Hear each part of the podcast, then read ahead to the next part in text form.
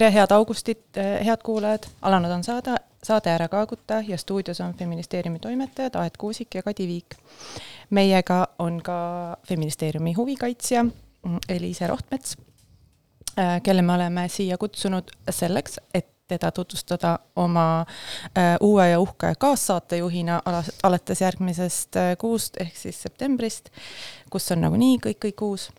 ja samuti tahame temaga ja Kadiga ja kõigi teiega kuulajad lahata natuke seda iibe fanatismi teemat, mis on viimasel nädalal ja alates üheksakümnendatest äh,, alates maailma algusest valla, vallandunud ja sellega seoses tuleme äh, Eesti rahvale ka appi ning tahaks siis rääkida äh, feministliku perepoliitika võimalustest. aga äh, alustame algusest ähm,.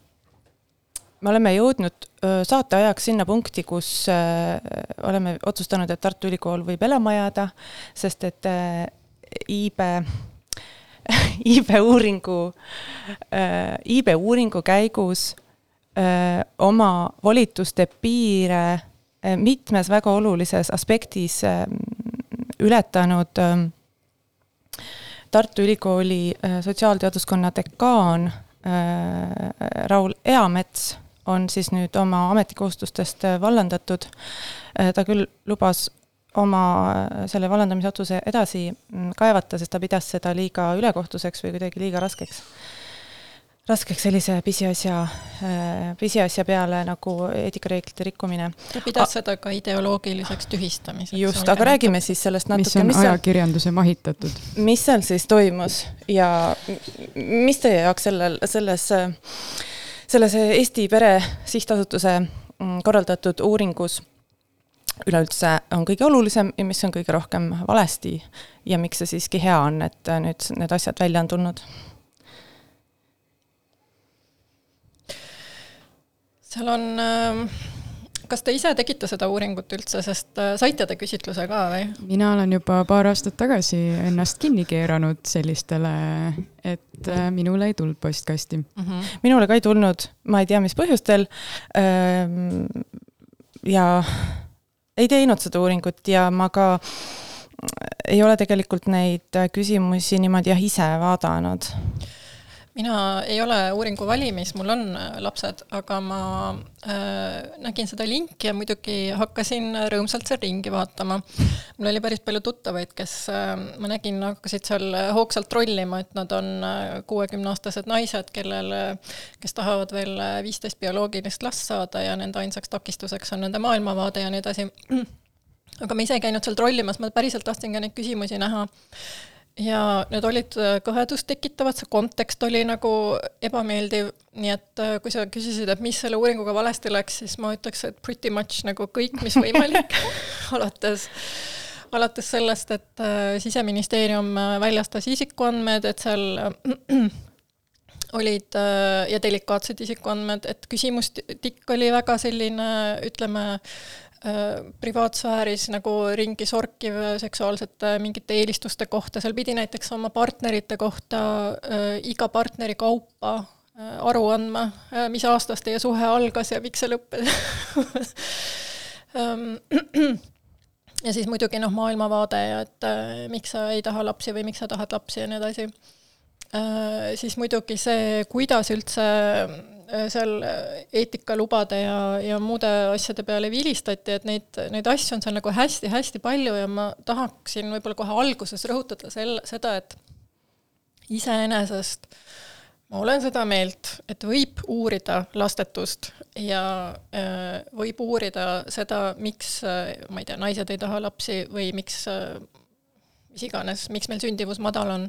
minu meelest võiks iseäranis, ma lihtsalt, vabandust, segan sulle korra vahele, minu meelest võiks iseäranis ka uurida seda, miks naised tahavad lapsi mm. -hmm. miks nad neid saavad mis kaalutlusi mm -hmm. nad sellega nagu enda peas ja kas üldse äh, keerutavad ja nii edasi, et see annaks noh, väga-väga olulist siseinfot või noh, infot jaa, lihtsalt kõhedaks teebki see, et kes selle uuringu tellib, et see ongi nagu mingi isamaalise ideoloogia, räägime siin ideoloogiast täna väga palju tühistamisest, et, et selline asutus, millistel eesmärkidel ja, ja noh, et jällegi, et see minu jaoks see küsimustik ei olnud nagu ütleme, kõige delikaatsem ja, ja tundlikumate näppudega nagu kirjutatud, et pärast, kui te lubate, ma räägiksin veel inimestest, keda võiks tühistada. aga Liisa, tahad sa, sa oled seda nägu, et hakka midagi arvata selle uuringu kohta? mul on üks hästi tagasihoidlik ettepanek, et kas keegi kunagi viitsib meestelt ka midagi küsida mm.? No mehi on ju nii raske kätte saada, tead ju ise ka, nad ei ole ju kodus kunagi, et äh, eriti noored mehed. ja nendel ei saa ka sel põhjusel meili saata, et nad ei ole kunagi kodus. aga see muidugi on kõikide nende uuringute probleem kõikides valdkondades, et neile, neile vastavad, äh, neile vastavad naised vanemad naised ja see on tõsi ja et äh, naised ja siis tuleb vastavad... selle võrra rohkem, rohkem siis pingutada, on mu sõnum mm. -hmm. raha tuleb maksta. ka õige aga see ongi vist see põhjus, miks mina näiteks selle küsimustikuni nii väga ei jõudnudki. E, et mind eelkõige rabas see, et eetikakomitee otsust lihtsalt olles ise e, doktorant noh, see on nii oluline, sellest nagu ei saa mööda, kui sa oled ülikoolis. seda räägitakse sulle ette ja taha ja sa jääd oma küsimus, küsitlusega või mingisuguse veebiküsimustikuga nagu iga sõna va-, vaed, et kuidas siis ma ikkagi nüüd saan ja kas ma kuidagi nüüd ikkagi on mul see õigesti ja siis sa sunnid oma vaeseid juhendajaid seda ikka jälle üle vaatama ja sellega on ikka hästi palju tööd. ja siis on mõni inimene, kes lihtsalt nagu saadab selle laivi ja tal on nagu ükskõik ja ta teab väga hästi, et tal on äh, delikaatsed isikuandmed seal. Äh, et mind nagu see fakt ja just, ja see teine, et register reaalselt andis need andmed. et need kaks, kaks asja võtsid nagu minu tähelepanu endale, et mind see küsimustiku sisu võib-olla nagu huvitas vähem, kuigi loomulikult äh, ka, kas oli täna hommikul või eile hommikul mm, oli ka ERR-i selles hommikusaates äh, oli selle küsimustiku koostaja, äh, andis intervjuu ja tema ütles, et aga need olid, need küsimused olid viisteist aastat tagasi täiesti okeid, et äh, et mis on juhtunud inimestega, on juhtunud inimesed. Issand ja, ja ikkagi see kontekst nagu, et mida siis sellega noh, et kui selle sihtasutuse, sihtkapitali eesmärk on see, et sünniks rohkem lapsi, et mida nad siis selle infoga peale hakkavad, näiteks et mul oli hästi palju partnereid äh, ja mul ei ole lapsi ja mul on hästi palju pühi, püsisuhteid selja taga, et äh, kas tuleb mingi reklaamikampaania siis kergejalgsetele naistele või äh, mis see nagu see väljund on selles? ja, ja teine asi ikkagi kogu see isikustatud andmed, et mul hakkas kohe fantaasia jooksma, et siis võiks ju kohe panna naistearsti juurde ajakirja, kui sul on isikukood ja sa võid tellida Bolti, kui sul on telefoninumber ja sa võid seal, ma ei tea, veel Tinderisse konto teha võib-olla, et mis nagu, mis sa selle infoga peale hakkad? tead, see, see, et see oli isikustatud, tekitas või noh, okei okay., ma küsin mina näiteks ei tahtnud seda trollida, seda küsimustikku, ja ma andsin vähemalt äh, nagu paarile sõbrale ka nõu seda mitte teha, just sellel samal põhjusel, et miks nad peaksid nägema, kes on sinu ankeeti trollinud, ma ei taha seda infot enda kohta anda, ma ei taha sellisele küsimusele mitte mingit infot anda, ikka isegi trollivat mitte. Mm aga sa juba mainisid paari inimest äh, või asutust, keda veel võiks tühistada, minu meelest Siseministeerium on üks neist. et äh, ikka täiesti süüdimatu käitumine ja praegu, nii palju kui mul on silma jäänud, siis nad õigustavad seda, et nagu äh, vajutasime share nuppu ja info läks välja.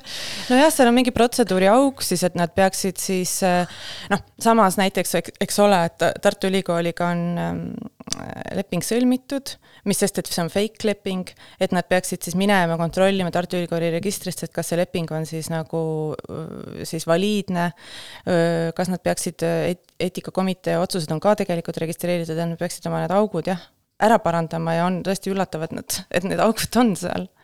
et need jah, neid tõesti neid mingisuguseid äh, kohti, millest on võimalik sellisel kujul mööda minna. et karm Läänemets ütles, et seadus ütleb selgelt, kellele neid tohib väljastada ja mis juhtudel ja Tartu Ülikool on, tuleb välja selline institutsioon, kes ütleb, et share ja saabki. aga kust sa teadsid, et neid andmeid saab kinni panna kolm aastat tagasi või kaks aastat tagasi? mina ei teadnud. teemaks ja äh, ma ei mäleta enam, millega seoses, aga see oli ka väikest viisi skandaal. ja siis ma võtsin lahti õige veebiportaali, mis nüüd pidi umbes olema, keegi ei saa enam ligi vähemalt eile oli. Ja siis keerasin kinni ja noh, mul aga enam kahjuks üldse ei ole meeles, mis see oli, aga ma mäletan. ei, ei, see ongi see nagu rahvast, see ongi register, ma tegin ka seda, aga see on mm, jah Facebookis liiguvad selle kohta õpetused, kus seda teha saab, aga lihtsalt see ka viib su poolele teele, et sa saad keelata oma andmete edasiandmist ainult erafirmadele mm. -hmm. mitte, mitte siis üldse enda uurimist keelata. ma ei, minu meelest on periooditi tulnud ka üles see teema, et meil on vaikimisi ja. äh, lubatud jagada ja keegi on öeldud, et keegi, kellel raha on, võiks minna ja kuskile kohtusse kaevata selle, et kas see ikkagi nagu aga äkki nüüd see saab muudetud? Mina, õiguste keskus pakub ka õigusabi neile, kes tahavad kohtusse praegu mina väga ootan neid, et... et tuleb see punt kokku, kes, kes ja. sai selle küsitluse, kes olid tõsiselt, kes avasid selle küsitluse, kes vastasid sellele küsitlusele ja nüüd tuli välja selline pläkk. ja nad äh, lihtsalt ütlevad, minu andmeid on kuritarvitatud ja ma tahan selle eest saada seda mm. -hmm. muidugi paljalt juba sellepärast, et need andmed on lekkinud, äh, tasub üle kontrollida, kas need lekkisid. Äh, näiteks isegi, kui sa seda küsitlust ei saanud, äh, siis need võisid ikka lekkida ja juba selle pealt tegelikult alust kaevata. ja ERR-is on ka mingis mõttes selline väljakutse praegu. et kes soovivad teada saada, kas nende andmed on õigusvastase lepinguga registrist uuringu läbiviijateni jõudnud võivad teha kas päringu andmete töötlejatele või Andmekaitse Inspektsioonile kaebuse ja võimaliku moraalse kahju korvamiseks on õigus pöörduda ka kohtusse.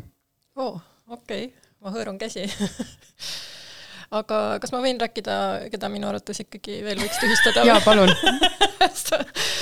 ma mõtlen, ma tegin listi täna hommikul. nii, äh, Raul Eametsa me juba mainisime, tema on tegelikult siis äh, selles mõttes tühistatud, et ta oma ametist jääb ilma, kuigi mulle tundus, et ta on vist veel kolm kuud, et see vist nii päevapealt nagu ei käi. ja, ja kuna ta kohtusse tahab ka pöörduda, et siis äh, pole me seda ilmselt lõppu veel näinud, aga aga mul on jah, väga hea, väga hea meel, et Tartu Ülikool reageeris. Minu meelest teine märkimisväärne isik siin on Tarmo Soomere. Absoluutselt. President, kes on vist äh, mereteadlane teadlane mm -hmm. ja matemaatik. Ja see on äh, muidugi väga tore, et ta tegeleb ka iibe küsimusega, aga minu meelest see väike intervjuu temaga ERR-is oli lihtsalt nagu hoia pead kinni ja peast kinni ja ma ei tea, palveta, et äh, no see oli nii süüdimatut juttu ikka annab nagu otsida. Et äh, ta, ta oligi selline, et jaa, miks mind sinna nõukokku kutsuti, eks selleks, et ma annaksin mingisugust teaduslikku kaalu ja tõsiseltvõetavust ja pädevust sinna. sa ei saanud sellega hakkama, Tarmo, ei saanud. Ei, äh, kõik on nagu perses. Siin olid see... lihtsalt nagu Arnold Rüütli vaibid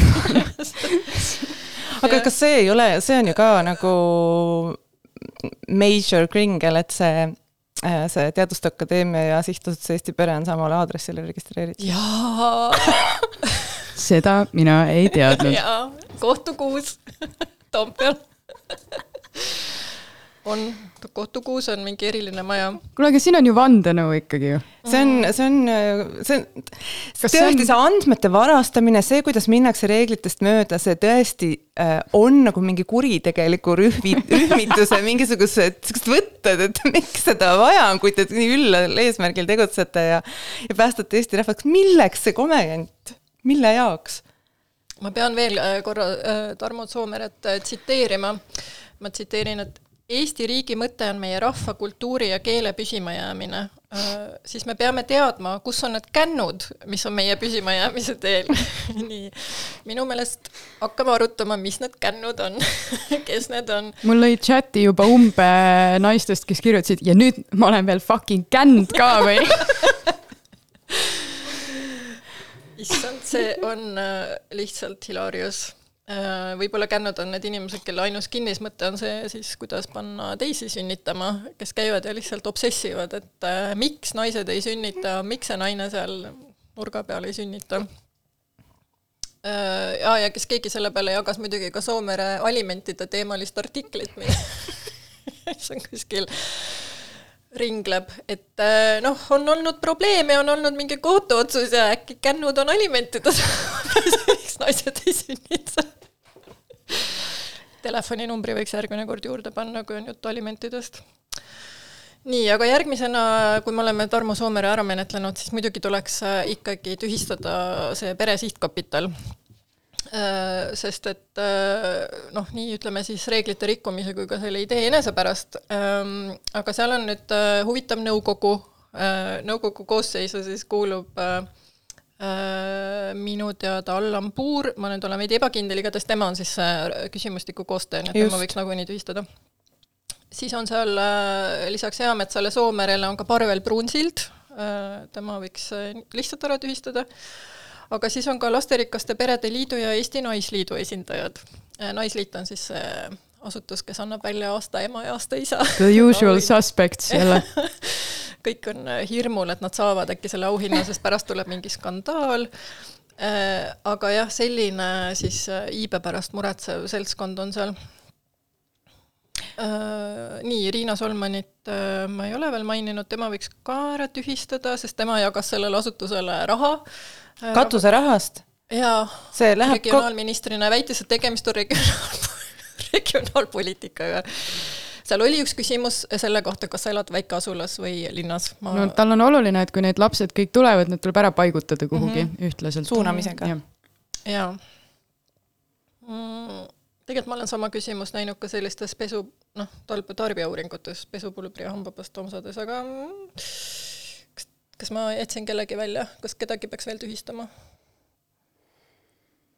Võib-olla Postimehe lihtsalt, lihtsalt. ai, jaa, sest et see Posti, Postimehe arvamus äh, ähm, või see, mitte arvamuskülg, vaid see hommikune igapäevane veerg või juhtkiri äh, on nüüd siis mitmendat korda öelnud, et äh, nii hea uuring, nii hea mm. uuring, aga mingite kõrvaliste detailide kallal hakatakse nokkima nagu mingisugune eetikakomitee otsus ja mingisugused pahandavad naised.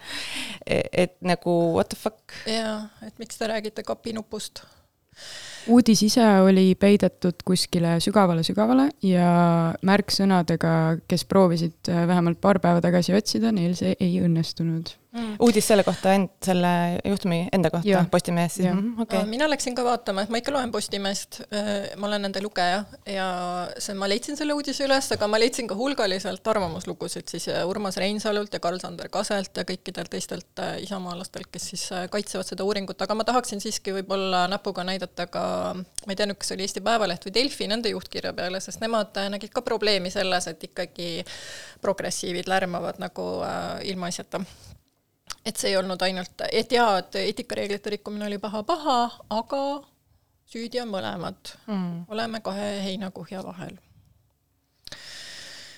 vot, kas mängime vahele ühe loo ja siis äh, liigume edasi äh, iibe fanatismi peale laiemas mõttes, kuidas tundub? mängime natukene äh, sina valisid esimese. üheksakümnendate või kaheksakümnendate house'i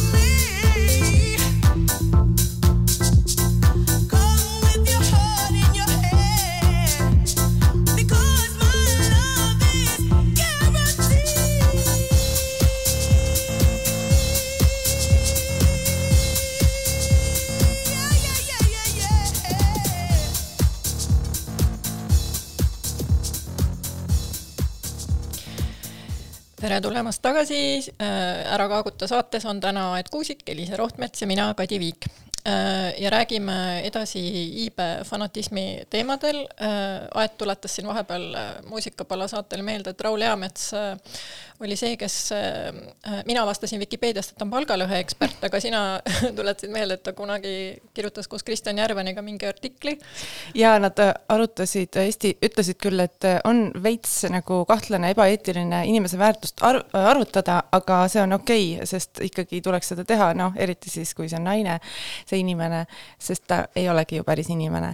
ja nad arvutasid välja, et kõige kasulikum on naine siis, kui ta saab kolm last mm. ja kui ta ei äh, lähe siis nende laste äh, vahe, laste saamise vahepeal, et ta kasutab ära kõik need lapsepuhkused, lapse hoolduspuhkused, sünnituspuhkused, vabandust, ma ei tea neid kõiki termineid. Need on kõik emapuhkus. Kadi vaatab mulle otsa juba, ühesõnaga kõik need dekreedid ja ma ei tea, mis asjad ja, ja ta ei lähe nende vahepeal tööle, et siis ta on riigile kõige-kõige parem dekreet oli vist tõesti nõukaajal äh,. aga seda kasutatakse siiamaani oh,? jah et ma nagu olen niisugune rahvakeelsuse väga suur mm -hmm. pooldaja siiski mm. -hmm. aga jaa, jaa, et see on, see oli väga põnev artikkel aastast kaks tuhat kaheksateist, soovitan selle välja otsida, lugeda ja mõelda kogu selle asja peale, et sellel iibe fanatismil on ikkagi päris pikk ajalugu.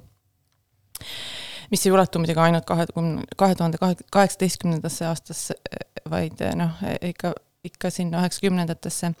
ja ja üldse Eamets ei ole Twitteris või noh, nüüd on see äh, äpp X, aga, aga ta ei ole seal väga nagu selline, äh, ta, tema vist seal ei figureeri, aga Järvan on küll maailma kõige naljakam inimene, ta lihtsalt, ta lihtsalt on lihtsalt nii koomiline, ta alati võtab kuskilt soost mingisugused mõttetud tabelid välja ja hakkab ekspertidele tõestama, et neil lihtsalt, lihtsalt, neil ei ole õigus mm. -hmm.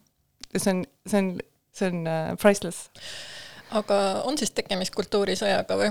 et äh, nüüd see spinn, et äh, no okei okay,, olid väiksed eetikaprobleemid, aga et tegelikult on äh, noh, teile ei meeldi, sest et teile ei meeldi see teema, et lastetuid naisi ei tohiks uurida ja iibega ei tohiks tegeleda, et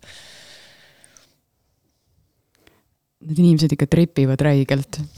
kuulge, siin on nagu see, mismoodi see sündmus on Eesti teadlasi jahmatanud ja kui korraks minna tagasi veel nagu Tarmo Soomere sõnavõtu juurde, siis see võib-olla isegi jahmatas rohkem kui see, mida Eamets tegi. Okay.. sellepärast, et äh,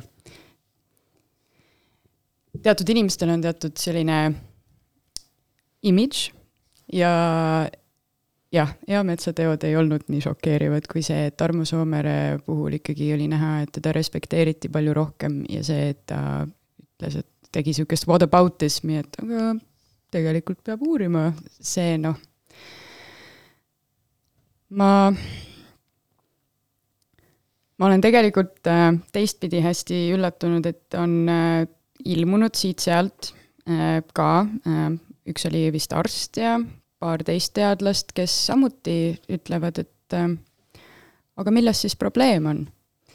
ja kas nüüd see tegelikult on sellepärast, et see on kõik see üks ja seesama gäng, äh, mingi sõpruskond või mingi ideoloogiline nagu võrgustik, ma ei tea, aga see, selle kogu sündmuse valguses ma hoopis olen vaadanud, et äh, mul on hirmus mure selle pärast, kui paljud Eesti teadlased äh,, kas nad ikkagi saavad aru teaduseetikast kas nad väärtustavad seda ja kas siin on ka põlvkondlik lõhe näha mulle tundub, et on.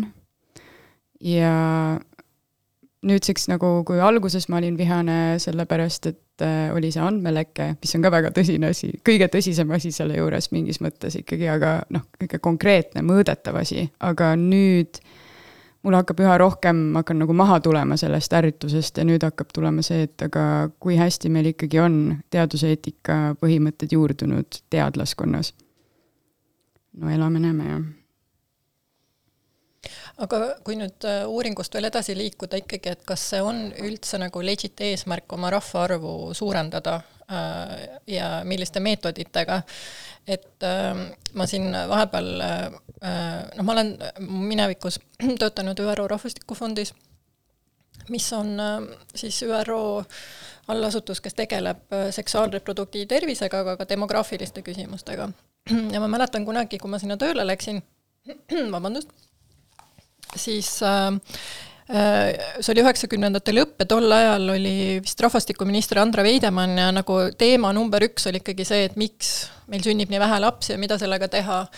ja need Rahvastikufondi eksperdid vaatasid mulle otsa, ütlesid, te peaksite oma surmadega tegelema unustage ära need sünnid, surmad, suremus, haigus, nagu kvaliteetne elu, et sel-, noh, surmade ennetamine, kõik seda, mis seda surma nagu inimesele võimalikult head elukvaliteeti pakub ja pikka iga, et noh, see on nagu see võti oma iibe parandamiseks ja tõstmiseks ja muidugi noh, see ÜRO Rahvastikufond, ma mõtlen, et äh, neil on ka, nad on ka väga hästi kursis nende äärmuslike natalistlike meetmetega, mis äh, erinevates riikides on, äh, mida on katsetatud ja ma tahtsin natuke peatuda Rumeenia teemal mm., et kuna noh, Rumeenia on tõesti selline eri case, eks ju, kus Ceausescu ajal oli rahvastikuprogramm tõsta siis Rumeenia rahvaarv kahekümnelt miljonilt kolmekümne miljoni peale.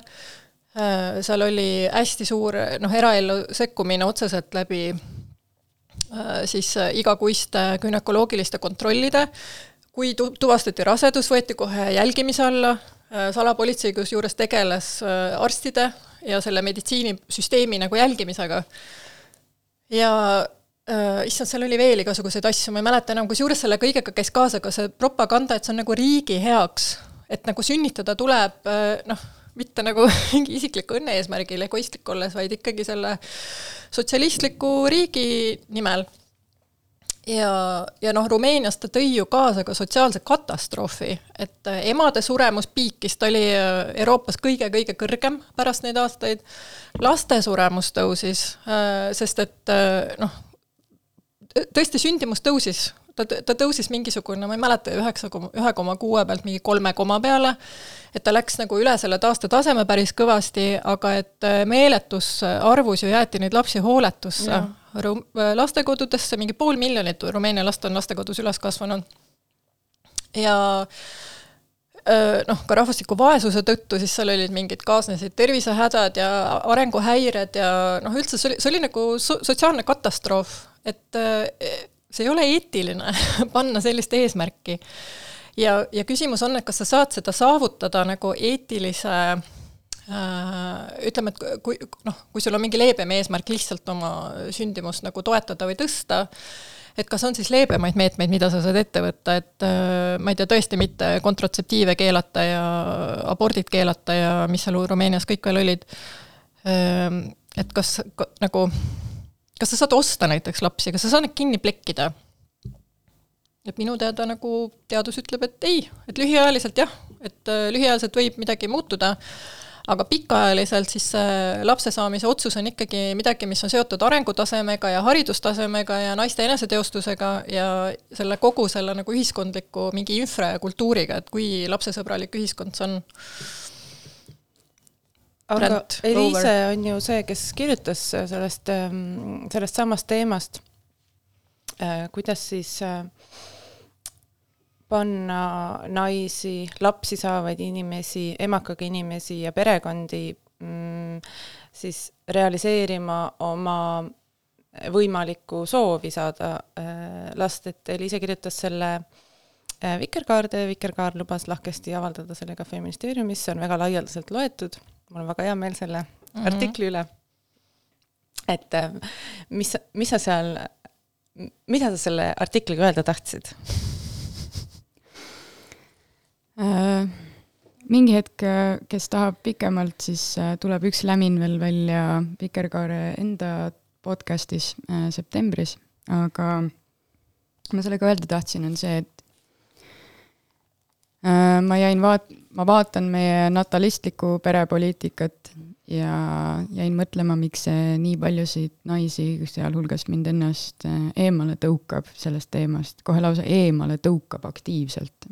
Ja ja ma sain aru, et see on sellepärast, et see tegelikult ei äh, adresseeri peaaegu mitte ühtegi nagu süva, kuidas ma ütlen, see ei ole süvaprobleem, ta on nagu, ta võib ka pealiskaudne olla, aga sellist näkku kargavat probleemi, milleks on meie räige palgalõhe, äh, see hirm, et äh, ma kaotan ennast, äh, oma elu, keegi ei taha mind enam nagu tõsiselt võtta, sest nüüd mul on alati mingisugune väike inimene kõrval, mind ei saa enam usaldada.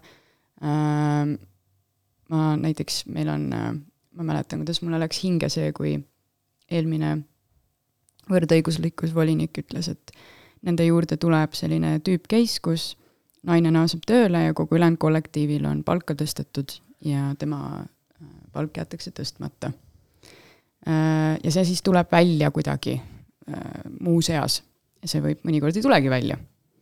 ja kuidas see söödab seda palgalõhe nii otseselt ja kuidas mitte keegi midagi ette ei võta. ja see äh, artikkel ründaski seda ideed, et mitte asi ei ole selles, et äh, äh, jälle kõik kaardid lauale, kolmkümmend üks lastetu mitteabielus äh,, heteroseksuaalses suhtes, nii äh,, et kuidas äh, mitte asi ei ole selles, et me ei, ehk siis minu põlvkond äh, ei arvaks, et äh, et me arvaks, et emadus on halb või äh, et äh, perekond äh, on midagi, mida tuleb lammutada, mis on midagi, mida konservatiivid pidevalt lahmivad ja ütlevad, et see on hedonism ja mida kõike veel, vaid vastupidi, me tegelikult tahamegi seda teha nagu hästi, võib-olla isegi natuke liiga hästi. ja need, see materiaalne reaalsus, mis meile otsa vaatab, lihtsalt ei, ei võimalda seda teha ja siis me lükkame seda muudkui edasi, edasi, edasi ja selle arvelt tõuseb äh, ka selline nähtus, milleks ongi nii-öelda involuntary childlessness, sellest on hakatud viimasel ajal palju rääkima, ehk need ongi need inimesed, kes on tahtevastaselt lastetud, kelle elul äh, ühel või teisel viisil, kelle elus läks lihtsalt nii, et see, see ei juhtunudki. ja just seesama, see olukord, kui näiteks äh, Y-generatsioon on äh, see post kaks tuhat kaheksa majanduskriis ja mismoodi see on meid mõjutanud, seda näiteks, et me ei suuda endale nagu elukohta osta. või et äh, me lihtsalt oleme niivõrd nagu maas sellest, et äh, alles kuskil seal kolmekümnendate keskel hakkab tulema nagu mingisugunegi kindlustunne, no siis ongi mõnedel juba liiga hilja, sellepärast et äh, viljakuse tase lihtsalt kukub, et loodus tiksub nagu omasoodu, me oleme küll seda bioloogilist kella äh, kõvasti edasi nihutanud, kui me toitume hästi, me elame nagu lääne ühiskonnas, siis me tegelikult äh, püsime äh, fertiilsed justkui kauem, aga mitte alati ka, see on niisugune, andmed on erinevaid, et äh, aga lihtsalt see, et see, see elu kui selline on niivõrd muutunud ja tehes seda, et me tahame seda, paljud meist tegelikult ju tahavad seda tuhande üheksasaja viiekümnendate asja, kas ainult korraks, kas ainult natukeseks, ma tean küll täiesti edukaid doktorikraadiga naisi, kes ütlevad, et ma tahaksin olla kaks-kolm aastat kodus. mis raha eest? noh, kust see tuleb, ah?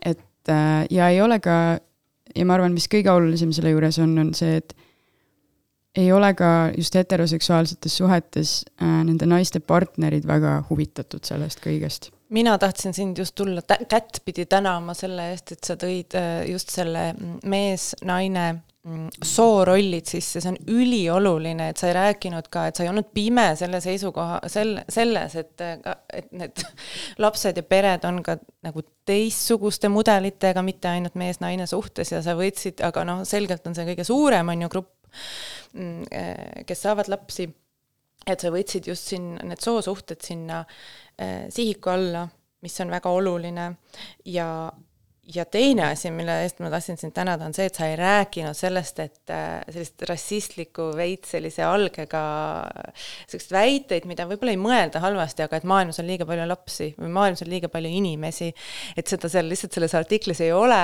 ja seda on väga paljudes sellistes ähm, lastetusega silmu, kas siis tahtmatu või tahetud lastetuse teemalistes artiklites justkui tehakse heategu sellega, et, et siis ei saada last ka samamoodi riigile, maailmale. et seda kuidas see, see sentiment seal artiklis puudus, aitäh!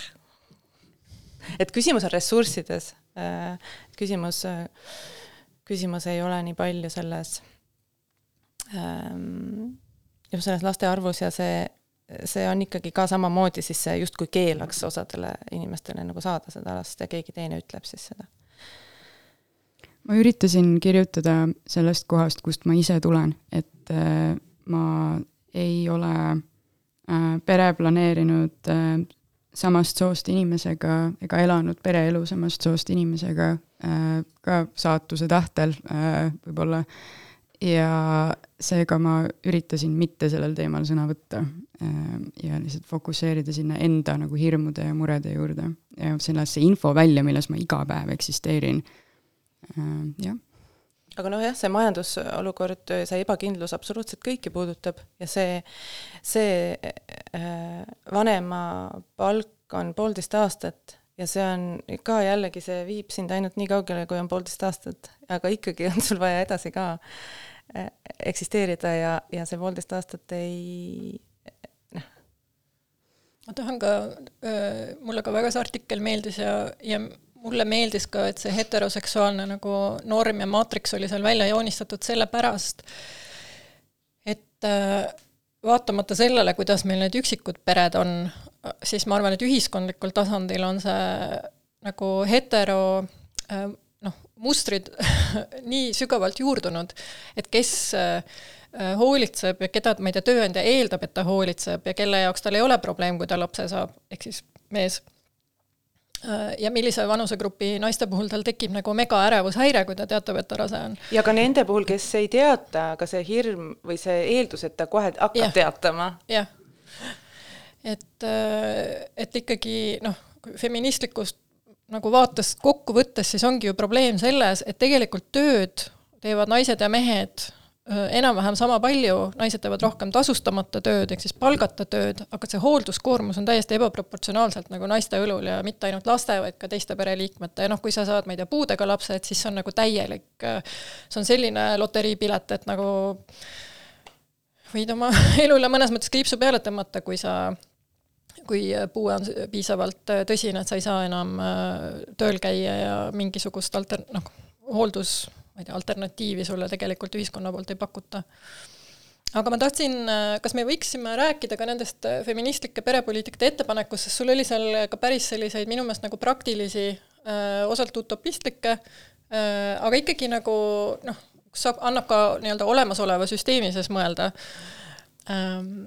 et räägiks nendest natukene, võib-olla vaidleks, võib-olla täiendaks. kas mängime enne ühe loo ja siis lähme mängime mm. -hmm. Elisa, sul oli lugu valitud mm. -hmm. tahad sa kommenteerida uh, et see on bängar okei okay.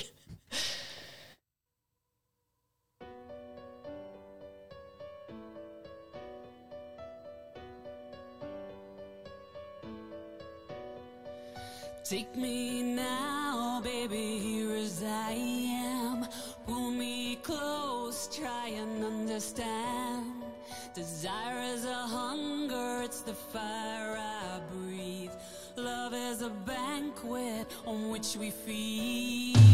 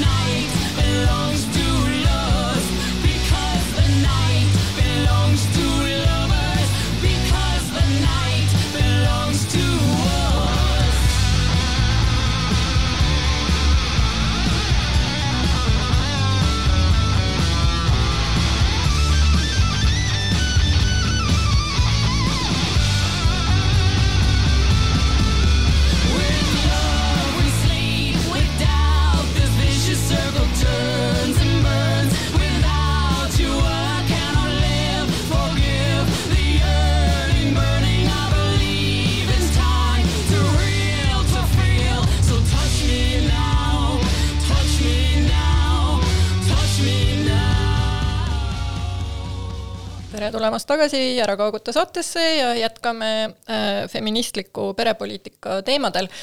et äh, Elisa, sa käisid välja kuus äh, ettepanekut ja ma mõtlesin, et võtaks need läbi nii palju, kui me jõuame ja, ja siis vaidleks või täiendaks või toetaks. et milline see su esimene meede oli? esimene meede oli see, et keerame lapsetoetused pea peale. See on niisugune vihasem variant, et äh, faks see kolmas laps ja vaatame korraks tõele näkku, et see, mille pealt sündimus kahaneb, on tegelikult just see inimeste hulk, kes ei saa ühtegi last.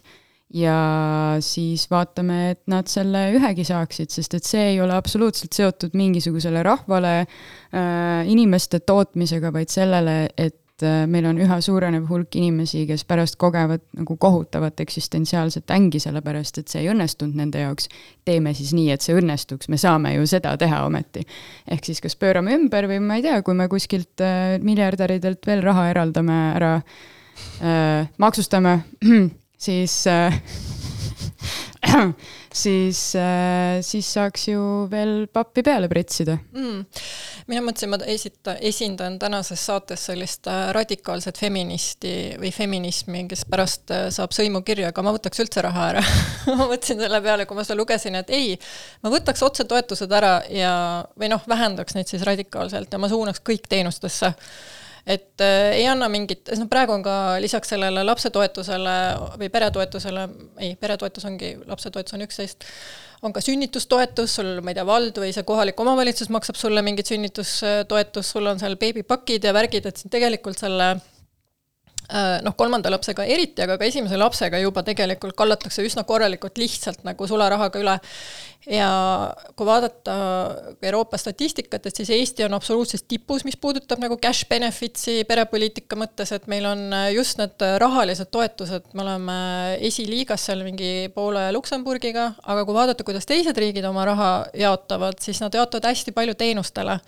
Eesti ei tee seda, et äh, ma ei saa aru, miks ja et kuidagi see, sellel ongi see, vaata see ostmise või see kinniplekkimise mm -hmm. nagu maik juures et õudselt tahaks nagu noh, kõik ma ei tea, alates logopeedist, äh, laste sõimekohtadest, lasteaedadest, äh, haridusest, äh, trennidest, infrast, et sul on nagu lapsega, ma ei tea, mugav liikuda, et sul on pargid, mänguväljakud, ma lihtsalt nagu kühveldaks sinna raha, et ja, ja see et see keskkond oleks nagu hästi soosiv, jah mulle lihtsalt meeldib see ettepanek sellepärast või kuidagi viib mõtted sinna, et ta tasandaks klassi erinevust võib-olla mm. -hmm. selles mõttes, et need, need, kes noh, me hoiame, need vanemapalgad hoiavad klassi erinevust Äh, jah, ma selles mõttes äh, selle vanemahüvitise poolt täiega olen, ma mõtlen, et äh, see, et kui sa oled töölt eemal nagu mingil põhjusel, olge, olgu see siis haigus või jalamurd või lapse saamine, et siis see, et sa, sulle hüvitatakse nagu see eemalolek, et see on mõistlik. aga, aga just selline, ma ei tea, toore nagu papi pritsimine tundub ikkagi ajast ja arust, pluss et ma vaatasin, et tegelikult need riigid, kes kõige rohkem just teenuste peale panevad, ongi Põhjamaad. Need panevad ka rohkem raha. Neil on ka riik, mis seda teenust suudab pakkuda, me oleme enda riigi mm -hmm. nii õhukeseks viilinud, et meil ei ole nagu seda infrat, mis neid teenuseid toetab, et see on jälle see muna ja kana situatsioon, et mm -hmm. me pritsime pappi sellepärast, et meil on ideoloogia, et inimesed vaadaku ise, eks ju mm, -hmm. ja okei okay, äh,, fair enough, aga kui meil on nagu see olukord, et meil võiks olla selline riik, kes neid teenuseid suudab pakkuda, siis ma põhimõtteliselt olen sinuga nõus, aga antud hetkel ma ei näe seda. Mm. ja, ja see on, ma lihtsalt tahan seda ka mainida, et sellele punktile on kõige rohkem tulnud positiivset tagasisidet äh, noorte naiste poolt, et nagu ahaa, jaa, jaa, miks ei ole nii, et äh, see täiega mõjutaks minu otsust, et just kui me vaatame uuringuid, mis näitavad, et millised äh, ebakindlused inimestel seoses laste saamisega on, siis äh, väga paljud hirmud peale esimese lapse saamist nagu kaovad ära, ehk see on ikkagi see esimene, see küür nagu, mis tuleb ületada, et pärast justkui läheb lihtsamaks. aga jah, siis meil tuleb see teine küür, eks see on siis kolmas laps Eestis, kus nagu äh, miks ju pritsiti sinna seda pappi palju, oli sellepärast, et äh, tegelikult oli ju legitiimne alus äh, nagu arvata seda, et et, äh, et seal see võiks kõige rohkem äh, äh, kasu tuua, mulle meeldis väga Mikk Salu sõnastus The greatest bang for the buck on, äh, ma ei tea, kas see, kumb on imelikum, kas äh, see, et nad niimoodi tegid või see, et ma tsiteerin Mikk Salu äh, Feministeeriumi raad-, Ära kaaguta saates äh,. aga et, et seal jälle see majanduslik ebakindlus hakkas tulema sisse mm. ja, ja see korraks ju, vot ongi, eks nad korraks tekitavadki selle tõusu ja siis see läheb tagasi ma olen, ma saan sellest aru, ma lihtsalt, minu utoopias seda majanduslikku kindlust tekitaks see, et sul on nagu hea töökoht ja sul on stabiilne töökoht ja sul on võimalusi ennast teostada tööalal, alaselt või kuidagi noh, et et, et ta ei oleks jah, seotud nagu sinu reproduktiivsusega mm. -hmm. ma panin selle vaata viimaseks ju noh, või need äh, abstraktsemad äh, lõpupoole, et et äh, üks on see, et äh, see laste ja vanemate infrastruktuur tuleb ühendada. jaa, see nagu, oli väga hea, hea soovitus minu meelest. jah, minu utoopias on nagu piltlikult öeldes nagu igal pool mingisugune titenurk, nagu ükskõik mm -hmm. kuhu sa lähed, seal on mingi mm -hmm. sihuke koht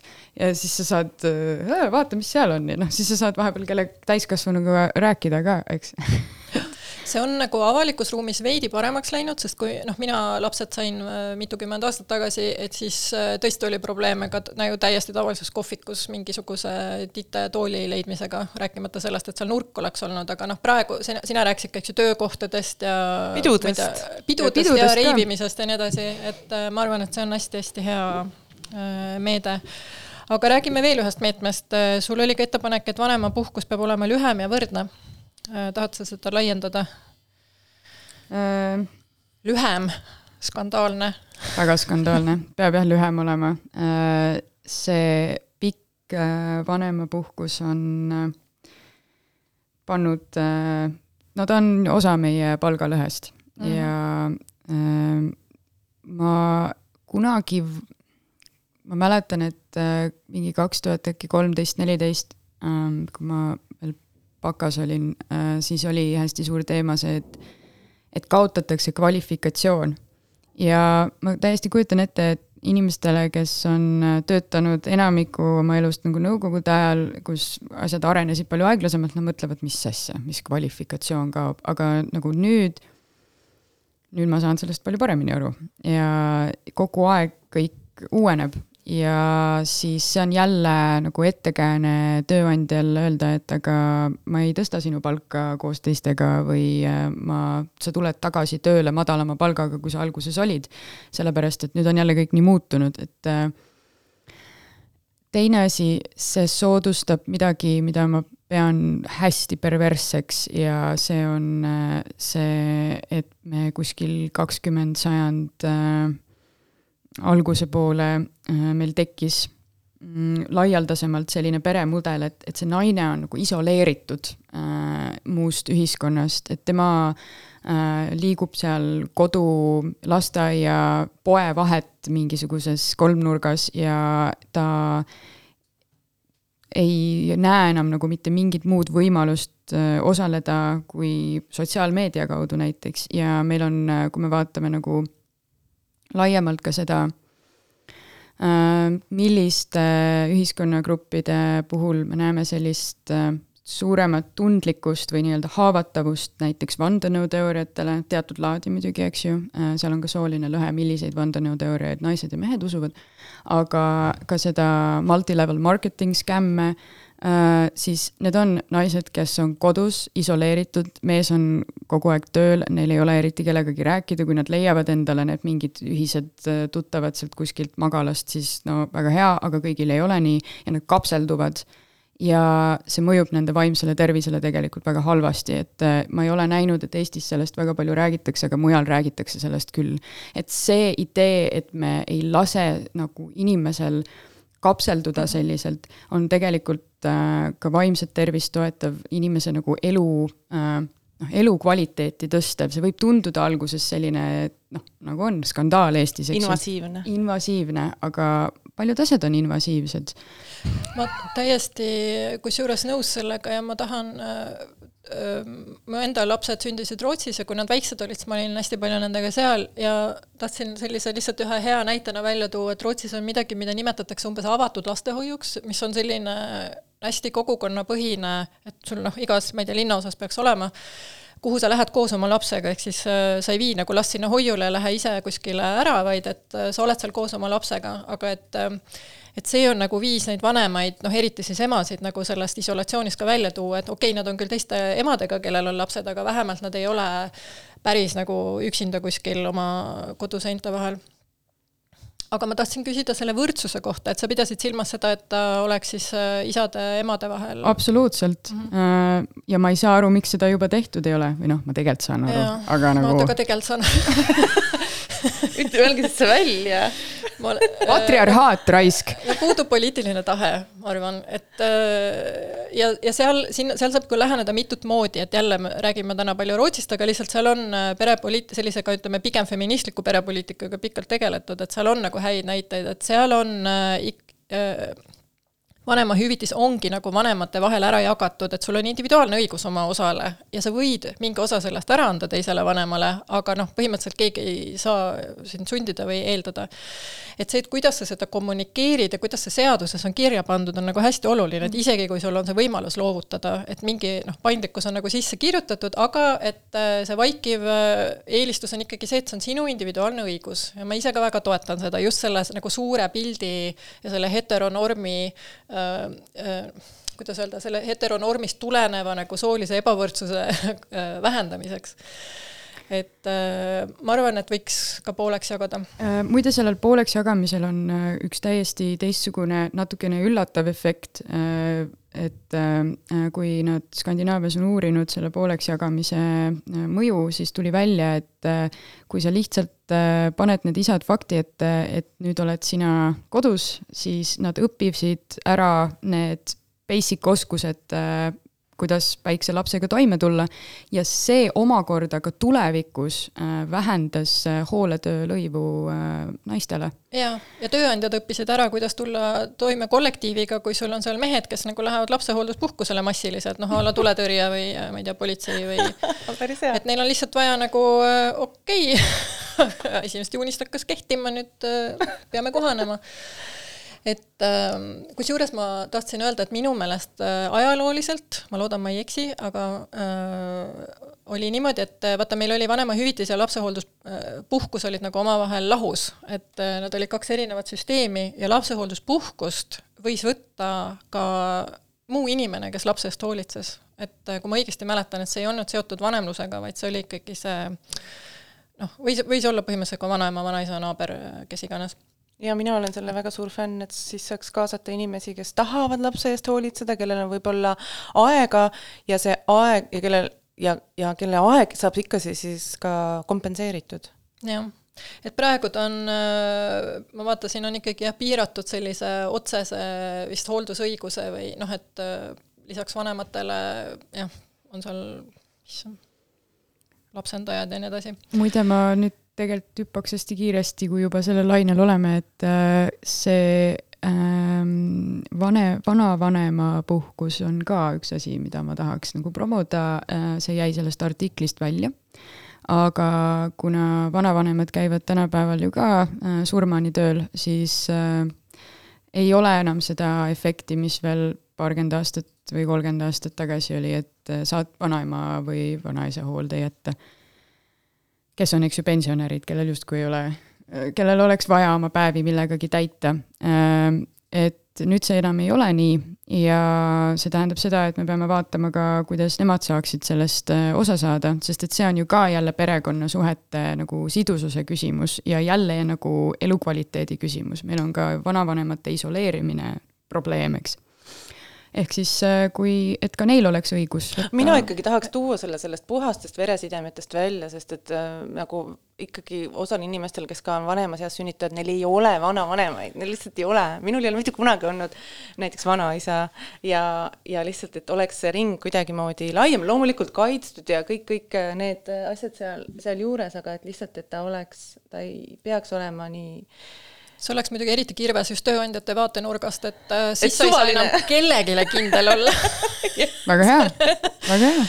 Kahjuks me peame lõpetama, mul oli nii palju veel öelda sellel teemal, aga see peab jääma mingiks teiseks korraks. Ähm, et äh, kuulasite ära Kaaguta saadet, äh, stuudios oli Aet Kuusik, Eliise Rohtmets ja mina, Kadi Viik ja kuna mina lähen nädala pärast Libeeriasse väga pikaks ajaks, siis tuleb minu asemele siia Eliise. kuulake meid jälle ja viimaseks looks mängime Ryan Goslingut I m just Ken. tšutšufri doesn't seem to matter what I do. I'm always number two. No one knows how hard I tried. Oh, oh, I, I have feelings that I can't explain. Driving me insane. All my life been so polite, but I'll sleep alone tonight